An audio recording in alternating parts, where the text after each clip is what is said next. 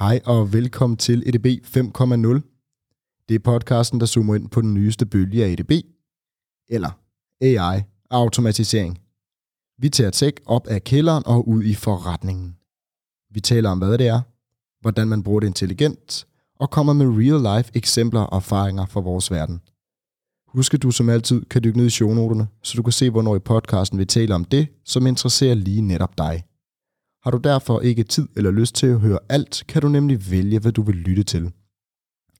I dag får vi besøg af Thomas. Thomas er for nylig tiltrådt i ejendom.com, som er et PropTech. Vi taler med ham om, hvad et PropTech er, og digitalisering af ejendoms- og byggebranchen. Når man skal til at digitalisere, kan man nemlig bygge sit eget fundament til, når man senere skal lægge intelligente løsninger på. Og hvilke teknologier er så relevante og nyttige? Det og meget andet taler vi med Thomas om. Velkommen til endnu en episode af ADB 5.0.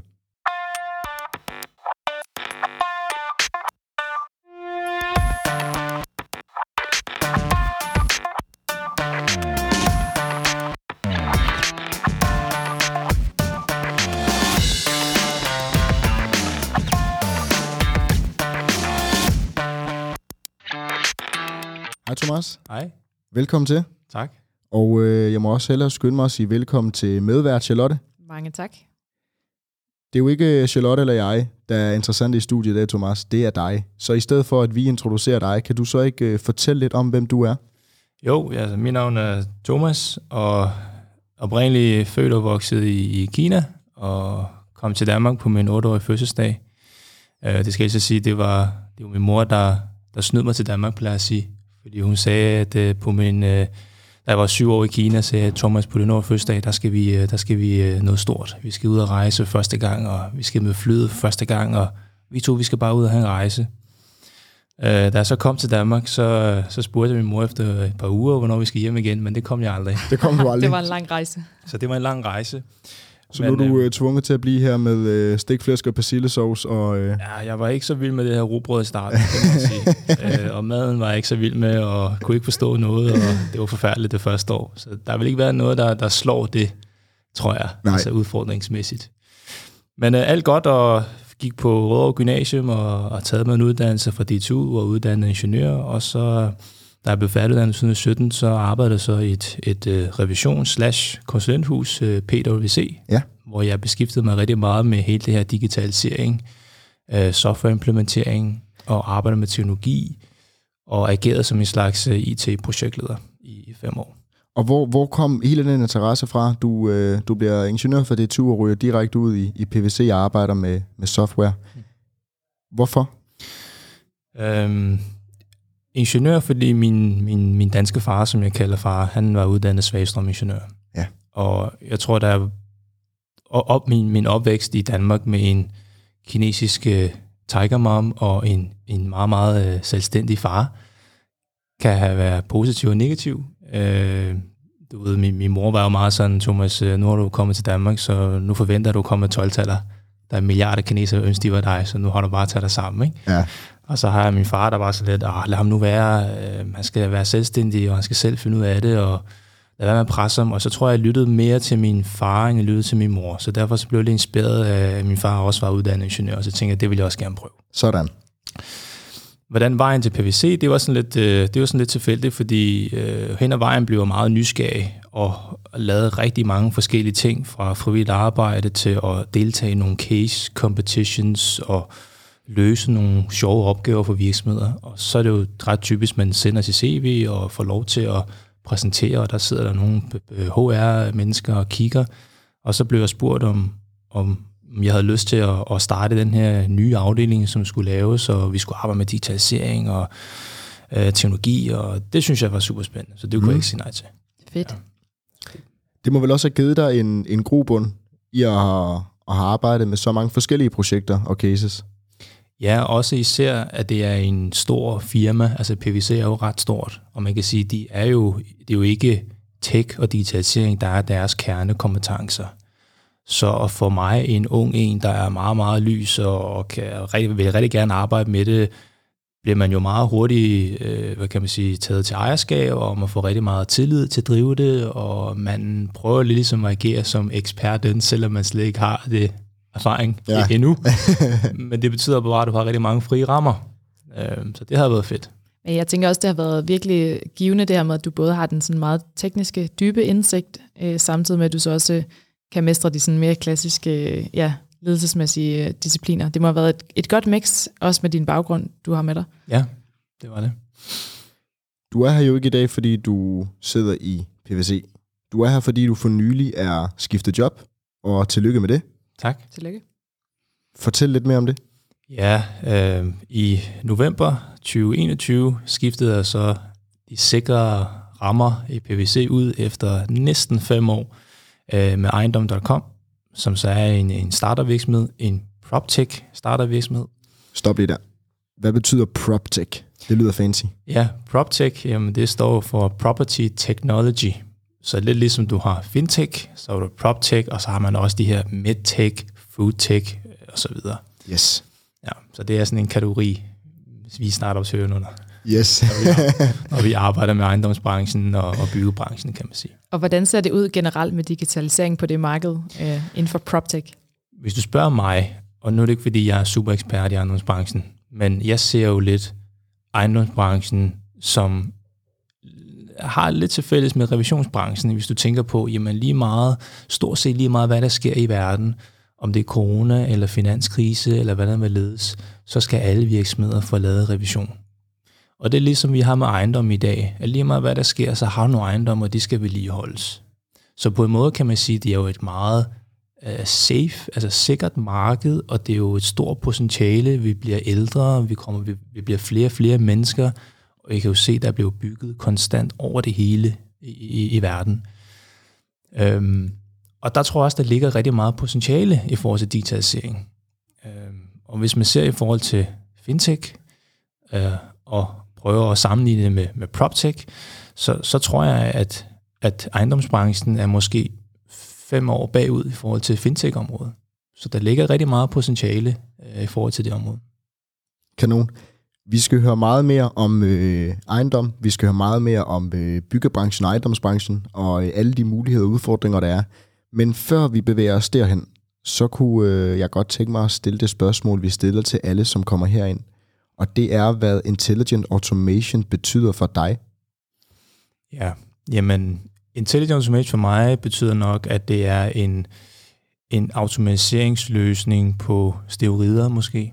Eller Fortæl. Som kan lidt mere. Det er første end, gang, jeg hører det. Ja. Altså det, god. Ja, det var god. Fordi automatisering er jo, hvad kan man sige, det er jo et Excel-ark, hvor man trykker på en knap, så sker der noget. Det er også automatisering, men det er jo ikke intelligent automatisering, for den er jo meget, meget regelbaseret. Så når, det, når, når du siger intelligent automatisering, så tænker jeg, at det er jo en slags et, et software eller kode eller algoritme, der gør, at automatisering bliver lidt smartere. Øh, den, den, den kan lære, den kan forstå nogle ret komplekse, og vi begynder at nærme os noget altså kognitiv øh, tankegang, som så kan automatiseres på, på en eller anden måde. Ikke? Jeg bliver lidt nysgerrig på at høre lidt mere omkring det her med, med PropTech, øh, og egentlig sådan hele din vej ind i, i startup-verdenen. Hvad er sådan den, den primære idé bag ejendom.com? Ja, den primære idé er jo, at det er nogle professionelle fagfolk, der faktisk har set behov. Fordi altså mig, med den få viden, jeg har i branchen, jeg vil aldrig nogensinde kunne komme frem med sådan en idé. Men, men det kan man, hvis man har været i branchen i mange år, og har på en eller anden måde set et eller andet hul i markedet, som ikke er blevet opfyldt. Og, og det var nogle række rådgivende ingeniører, øh, der ligesom så det hul. Øh, og de inviterede så mig til, til et møde, hvor vi så snakker om ideen. Og, og meget hurtigt blev jeg hugt af det, fordi jeg tænkte med det samme på hele det her digitaliseringsvinkel og teknologivinkel, og uh, det minder lidt om Just Eat, uh, bare i ejendomsbranchen. Det er genialt det her, det, det skal jeg være med til. Så det kunne jeg ikke rigtig sige nej til. Så det er løvens ule om et par år? Det tror jeg faktisk ikke. Jeg, jeg tror det faktisk ikke. Og jeg ved ikke hvorfor, men øh, jeg har det på en eller anden måde som om, at jeg har ikke set den softwarevirksomhed, der er med i Løvens Uge. Og jeg ved ikke, om, om jeg kan være med. Det ved jeg faktisk ikke. Nej. Ja. Nogen skal være den første. Ja, det Hvem kan ved? godt være. Ja, måske. godt, så I satte jer ned og, øh, og tale lidt nærmere omkring mulighederne, og hvordan gik I så derfra til sådan den, den reelle tekniske udvikling? Jeg kan sige, jeg, jeg, jeg tror, at de, de startede faktisk med det øh, allerede før jeg kom også. Okay. Og de startede med at lave det til dem selv, for de tænkte, nu vil de godt kunne tænke sig at have det her værktøj til at få styr på de data, de sidder og hjælper mange af de her foreninger og, og bestyrelsesmedlemmer på. Altså nu snakker vi om en rådgivningsingeniørfirma, som, som hjælper med at forhold til at lave de her tilstandsrapporter, gennemgang af de her ejendomme, og så hjælpe med at lave de her kommende byggesager, der er der på en ejendom. Det kunne være, at du skal skifte tag. Jamen, så hjælper de med det. Hele, alle de her data, alle det her viden, er jo i dag på pdf'er og Word-filer og Excel-arker.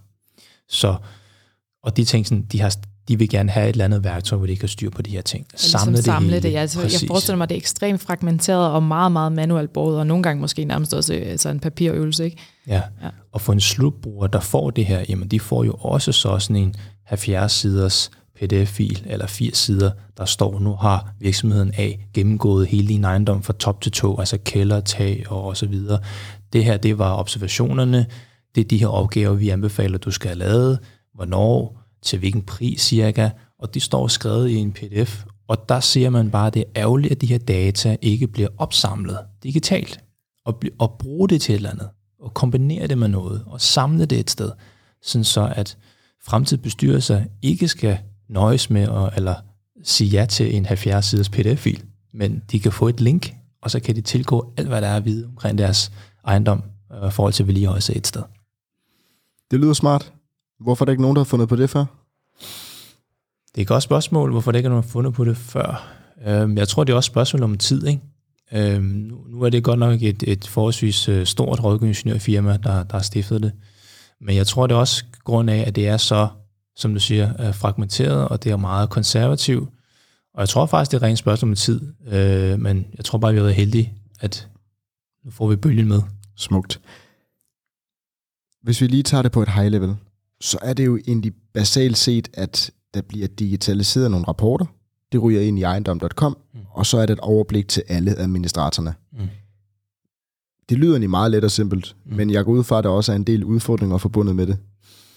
Ja, fordi hvis man prøver at sammenligne det med noget Just Eat, det, det, det kræver jo mange forskellige aktører med. Og, og det, Hvilke? Og det gør det også hos os, fordi vi er jo ikke dem, der sidder og laver de her tilsynsporter og vedligeholdsplaner. Det har vi jo ikke ingeniører eller fagfolk til. Så vi er jo ligesom også afhængige af at kunne overbevise, der er nogle rådgiver derude, eller administratorer derude, der synes, det her det er da genialt. Det skal vi da også bruge.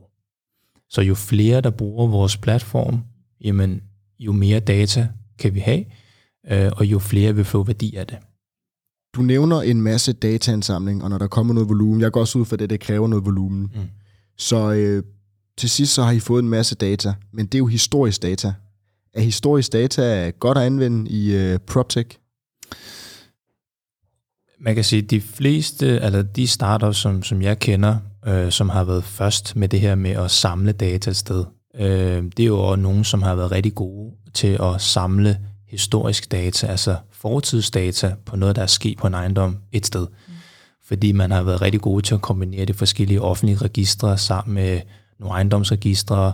Hvis der foregår en transaktion, jamen, så har de opslagt det og gjort det tilgængeligt for folk. Det, som, som jeg tænker er lidt forskellen her, det er, at vi opsamler fremtidens data for ejendom. Og nu lyder det sådan lidt fancy, men det, det egentlig er, fordi når du leverer sådan en tilstandsrapport og vedligeholdelsesplan, mm. så er den jo oftest 5, 10, 1 år, 20 år frem. Så du vil faktisk, altså man kan sige, jeg vil på en måde kunne sige til en kommune, hvad ligger der af byggesager for alle de ejendomme, I ejer de næste 5, 10, 15 år? Hvor mange tagskift skal kommune have lavet de næste to år? Hvordan går det med alle de elopladerstationer i samtlige kældre øh, eller parkeringspladserne i ejerforeningerne rundt omkring Danmark? Mm. Så på den måde er det det, jeg mener med, når det er fremtidens data. Ikke fordi vi er fremtiden, men, men det er noget, der er længere fremme, så man kan få et overblik, transparenthed over, og dermed også forberede sig op til. Men giver det ikke udfordringer, alt efter hvem der er ude? Det kan være, at den ene ingeniør laver noget for Københavns Kommune, mens den anden laver noget for Hillerød Kommune, og de to ingeniørfirmaer, de har altså vidt forskellige holdninger. giver det ikke problemer, når man skal indsamle en masse data, og man gør det med ved hjælp af, i det her tilfælde, eksterne leverandører, øh, som har subjektive holdninger? Og, det, og du taler faktisk rigtig godt ind, og det er derfor, vi har lavet platformen. Mm. Fordi det, der skal ikke være forskellige formater i, og hvordan man laver de her, indsamler de her data, eller leverer de her data til ejendomsejerne. Fordi som du helt siger ret, nogen vil levere det i et, øh, måske et øh, fancy Power BI dashboard til en kunde, fordi man er innovativ og gerne vil levere andet end pdf'er. Men så har vi stadigvæk nogen, der leverer de Excel-arker og pdf-filer og Word-filer, og så er der nogen, der sender alle de billeder, der er blevet taget af ejendom i en separat zip-fil. Og så må du finde ud af, hvor du vil gøre det. Mm.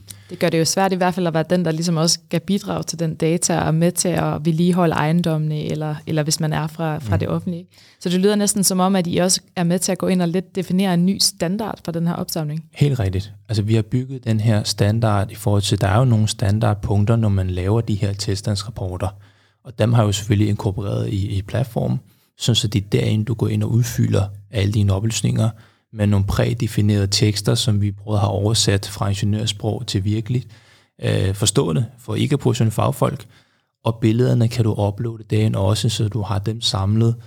Bruger du dronevideoer, kan du også vedhæfte videoen ind der også, sådan så jeg som en kommune, der ejer rigtig mange skoler, hospitaler, eller hvad nu kunne være af de ejendomme, jeg nu har, får alle mine leverandører til at levere via ejendom.com, så kan jeg se et hele, altså hele overblikket, porteføljen over alle de ejendomme, jeg sådan set skal drifte og vedligeholde øh, på vegne af kommunen. Ikke?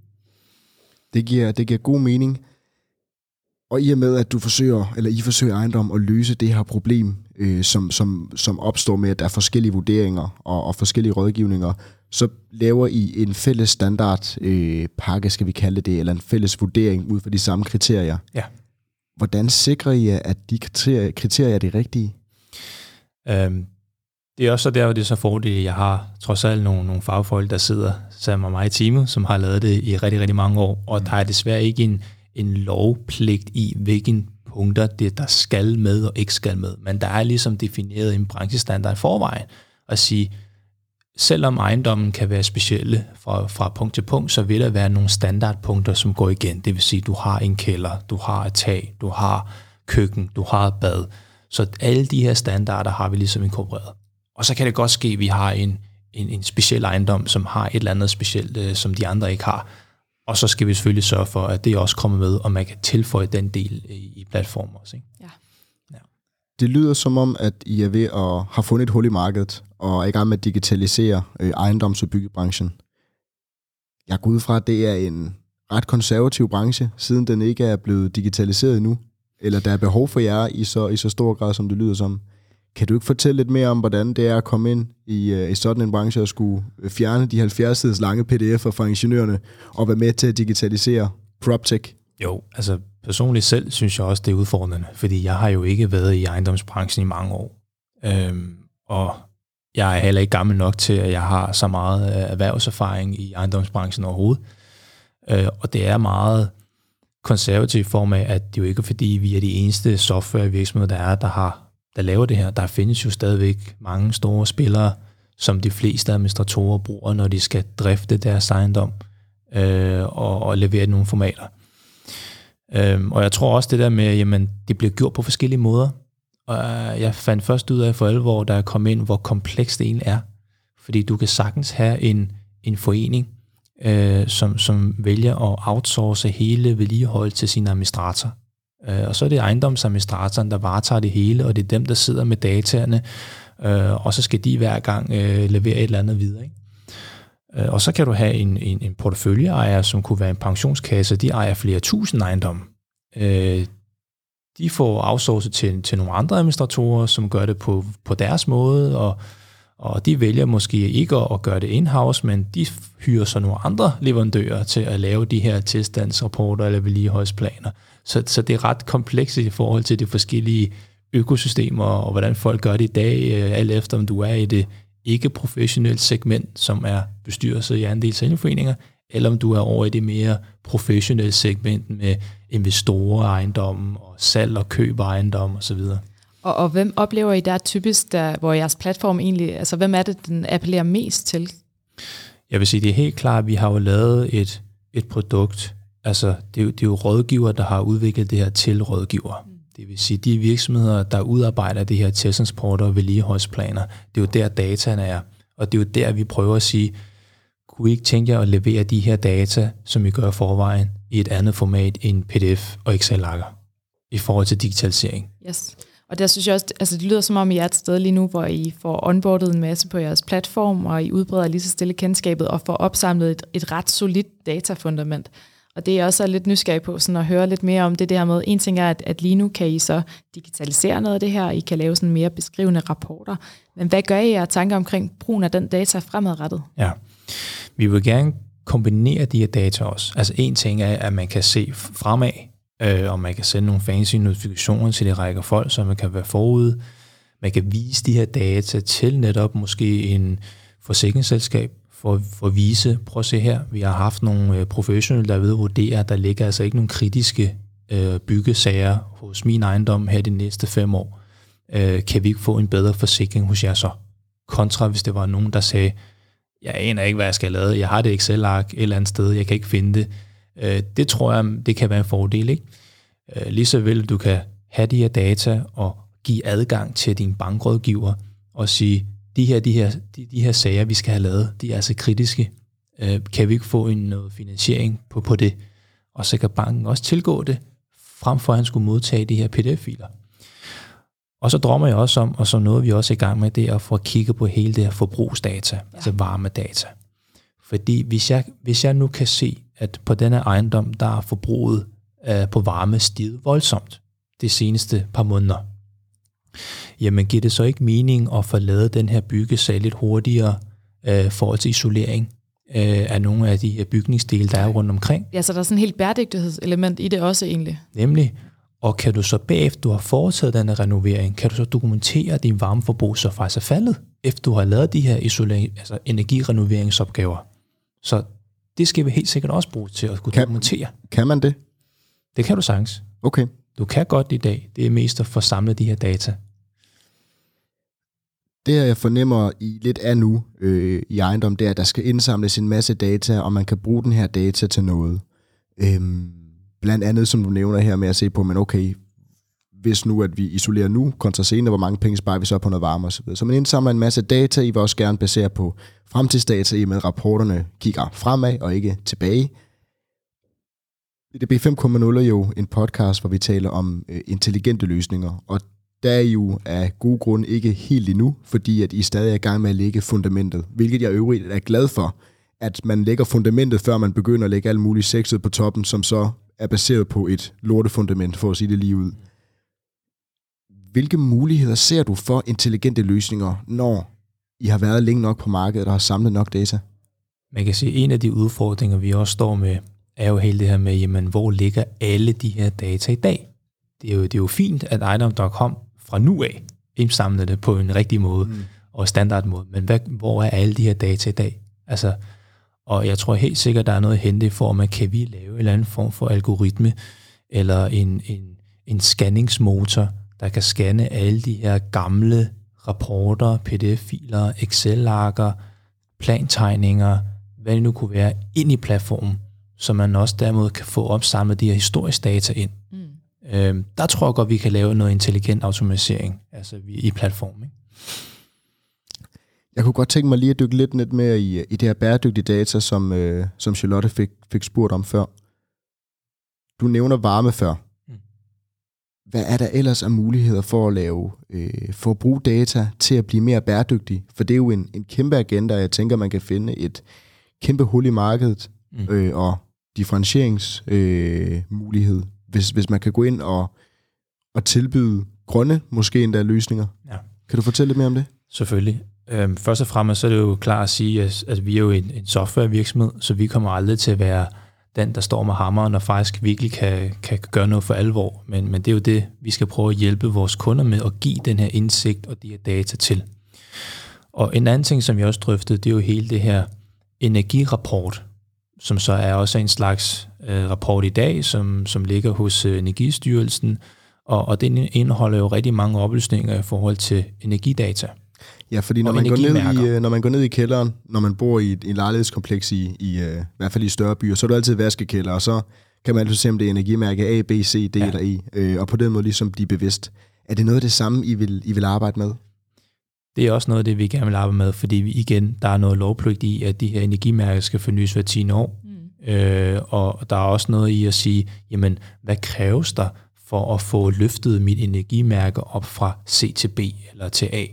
Øh, kan vi hjælpe de, øh, de kunder eller de brugere, vi har af platformen, ved at sige, hvis du faktisk får lavet de her byggesager, eller de her energioptimeringsopgaver, der ligger der, jamen, så kan du faktisk få en, en B øh, efterfølgende. Og måske også netop timing af det, fordi det ja. Jeg også forestiller mig, at man tit, tit sidder i bestyrelserne og vurderer, okay, er det i år? Nej, vi vil godt lige vente lidt og sådan noget. Der er andre projekter, der skal prioriteres. Men hvor I så kan være med til at, ligesom at give et beslutningsgrundlag, der siger, jamen, I bliver altså nødt til at prioritere det nu, fordi det giver størst værdi i sidste ende. Ikke? Jo. Øh, Så det kunne også være en af tingene. Øh, Og vi snakker også med de her genbrug af materialer, som er egentlig er ret øh, hot område i forhold til byggebranchen. Det går man jo rigtig meget op i, at man kan genbruge, øh, i stedet for at, at rive ned og bygge for nyt og, og så videre. Certificeringer af de forskellige ejendomme kunne vi også godt tænke os at få udstillet de her data i platformen. Øh, Men, men det er en, selvfølgelig en større opgave, fordi jeg tror ikke, der er nogen, der har nailet det her med genbrugsmaterialer. Sådan, øh, hvornår kan vi med sikkerhed sige, at det er rigtigt, det, det, det som virksomhed A siger, at de bruger det her, det er, ikke? Øh, mm. Så Så hvis vi lige skal opsummere her, så, øh, så er hele formålet at digitalisere vedligeholdelsesdata, og i stedet for at slippe for lange pdf'er, som den almindelige lægemand ikke kan forstå, så skal det gøres øh, med et nemt overblik. ja, det skal være de her døde PDF- og Excel-arker. Det Ja. vil vi gerne udrydde i ejendomsbranchen i forhold til vedligeholdelse og drift i din ejendom. Det er korrekt. Og det skal være så live som muligt i forhold til at kunne kombinere de her, sådan så du har et sted at gå hen for at få det komplette overblik over din ejendom. Og det i sig selv, tror jeg, jo løser et kæmpe behov. Og så synes jeg, noget af det, der er enormt interessant i det, du fortæller, det er jo også hele det her prædiktive element. Ja. Øhm, og der kunne man måske godt tænke mig at høre også, altså har I kigget ind i nogle teknologier øh, indtil videre i forhold til, hvordan I kunne se det udvikle sig over tid? Ja, og jeg, jeg, og jeg kan også sige, det er også for at sige, vi skal heller ikke være øh, dem, som ejer det hele. Altså, vi skal ikke lave alt, for det kan vi heller ikke, men vi vil rigtig gerne finde nogle venner. Øh, for eksempel indeklimadata er jo også noget bæredygtighed, og der kender vi jo nogle, nogle virksomheder, som har opfundet en rigtig, rigtig smart produkt, som man kan installere øh, i, sin, i sin ejendom, om det så er restaurant eller sin privatbolig. Den måler så øh, CO2, den måler øh, fugtighedsniveau, den, den måler øh, chancen for, at der kunne opstå svamp. Jamen, de data kan vi jo også integrere op imod og få vist det. Fordi kan vi lave de her former for samarbejde og koble os på de andre dygtige aktører, som har netop specialiseret sig i det samme, som vi har, bare inden for hver deres område, mm. så vil jeg jo lige pludselig godt kunne vise det udadvendte af en bygning, i forhold til, hvornår du skal have lavet hvad og skifte tag, men så vil du også kunne få se det indvendige af bygningen også. Så Internet of Things er en af de teknologier, I synes er rigtig spændende. Rigtig interessant at koble os op derpå. Nu bliver jeg lidt nysgerrig. Jeg synes, det lyder vildt smart. Jeg har aldrig hørt om det før. Findes der, findes der andre sådan nogle seje øh, devices, som, øh, som man kigger ind i? Eller er det her den primære, I sådan tænker, det kunne være, det kunne være fedt at få koblet en masse data op fra... Diverse sensorer. Hvad, ja, Det, det var, det, er- der findes helt sikkert flere, og jeg kan se, at i Protect-området, der kommer flere og flere virksomheder, der har formået at kombinere Internet of Things til at måle ind i klima, sådan så virksomheden kan foretage nogle af de her bæredygtige rapporteringer på forskellige områder.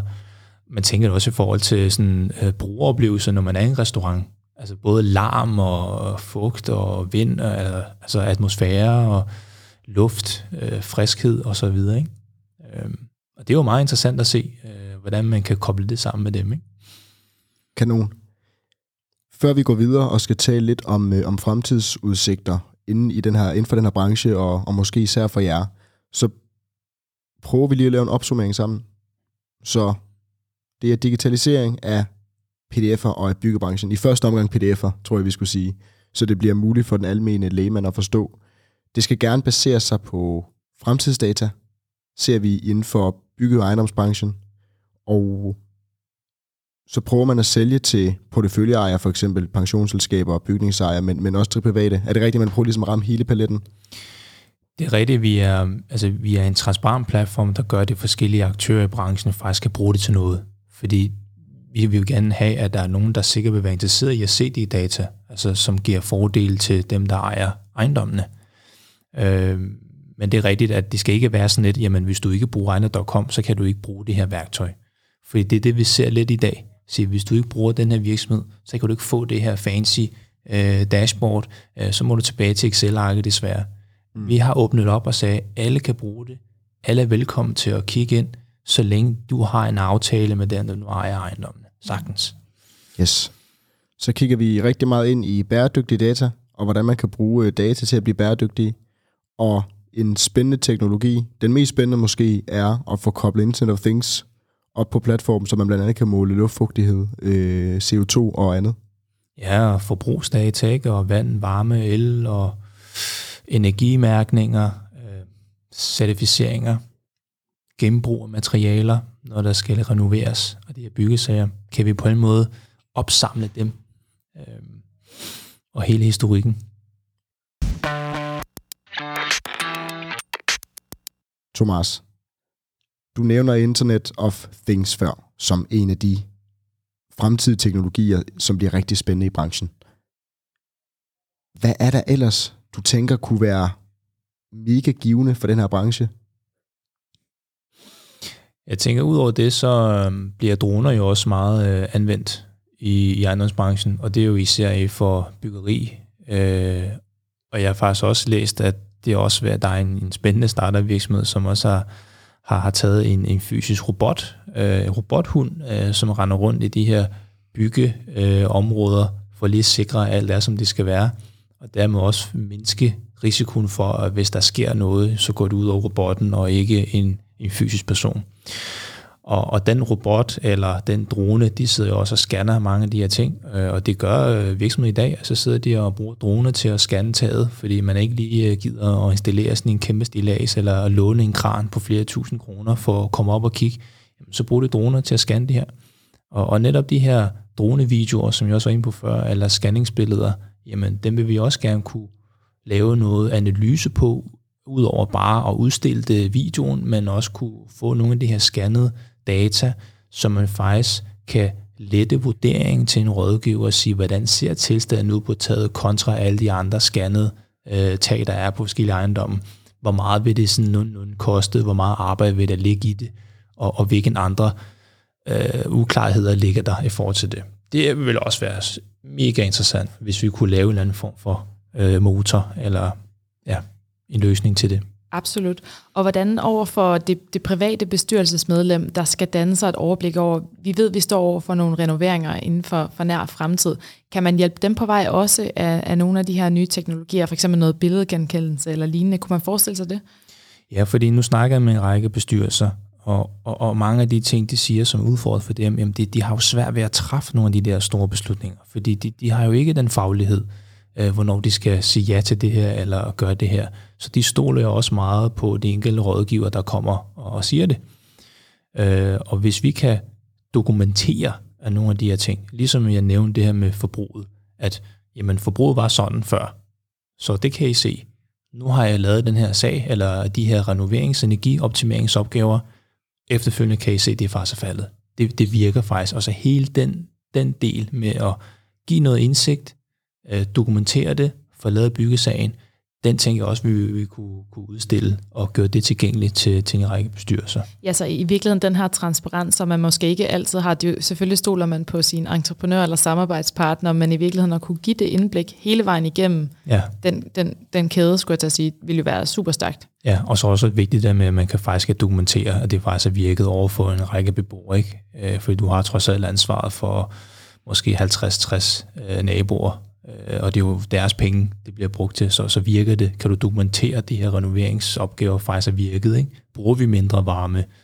Og en bestyrelse, hvis de skulle på en måde gøre det ved siden af en travl hverdag, samle de her data manuelt fra forskellige punkter, og få alle mulige fuldmagter og godkendelser, for at de må se, hvad der ligger der tredje til venstre. Det bliver altså også en stor opgave. Altså det er altså en fuldtidsopgave, ikke? Du nævner lidt tidligere noget om forsikringspræmier, og forsikringspenge, og man kan bruge noget data til at pulje det. Det forstod jeg ikke helt, men øh, jeg tænker, det er noget, noget fremtidsudsigt. Kan du ikke prøve at, at sætte os lidt mere ind i det?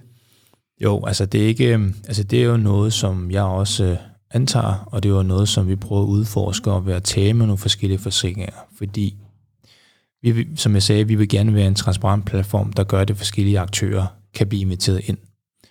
Og, og jeg tænker sådan, jamen hvis jeg var en bestyrelse, og, og, og vi skal jo selvfølgelig have nogle forsikringer i forhold til de forskellige områder, hvis der, der sker et eller andet, jamen, så vil vi gerne være, være forsikret, og de enkelte beboere har måske deres egen øh, øh, private forsikring, hvis der sker indbrud, eller hvis der sker øh, ja, noget, der går i stykker øh, i, i ejendommen. Jamen, hvis, hvis man nu samlet i en bestyrelse kunne invitere en forsikringsselskab eller flere ind for at kigge, lad dem se fremtidsudsigterne i forhold til, hvad det, der ligger der af forskellige sager. Hvis de kan se, at en professionel rådgiver har ved at vurdere, at, det der skal, at ejendommen for det første er rigtig fin stand, øh, den, er, den er ganske fint, og hvis I får lavet de her små forbedringer, det der ligger det næste 10-20 år. Der er ikke mange kritiske opgaver. Det er ikke fordi, man har en tag, der er ved at sammen, eller som skal udskiftes som et år. Så er det da klart, hvis, hvis din stand var dårligt, så tror jeg ikke, at du kan få en, en god forsikring. Øh, så tror jeg, at det bliver en ret dyr forsikring. Men hvis du i en løbende års tid og har brugt de her data og har været god til at, at få leverandøren til at indsamle dem, og kan bevise, at hos mig har vi faktisk været gode, der ligger ikke så mange kritiske opgaver, så er det vel færre, at vi kan forhandle noget forsikring.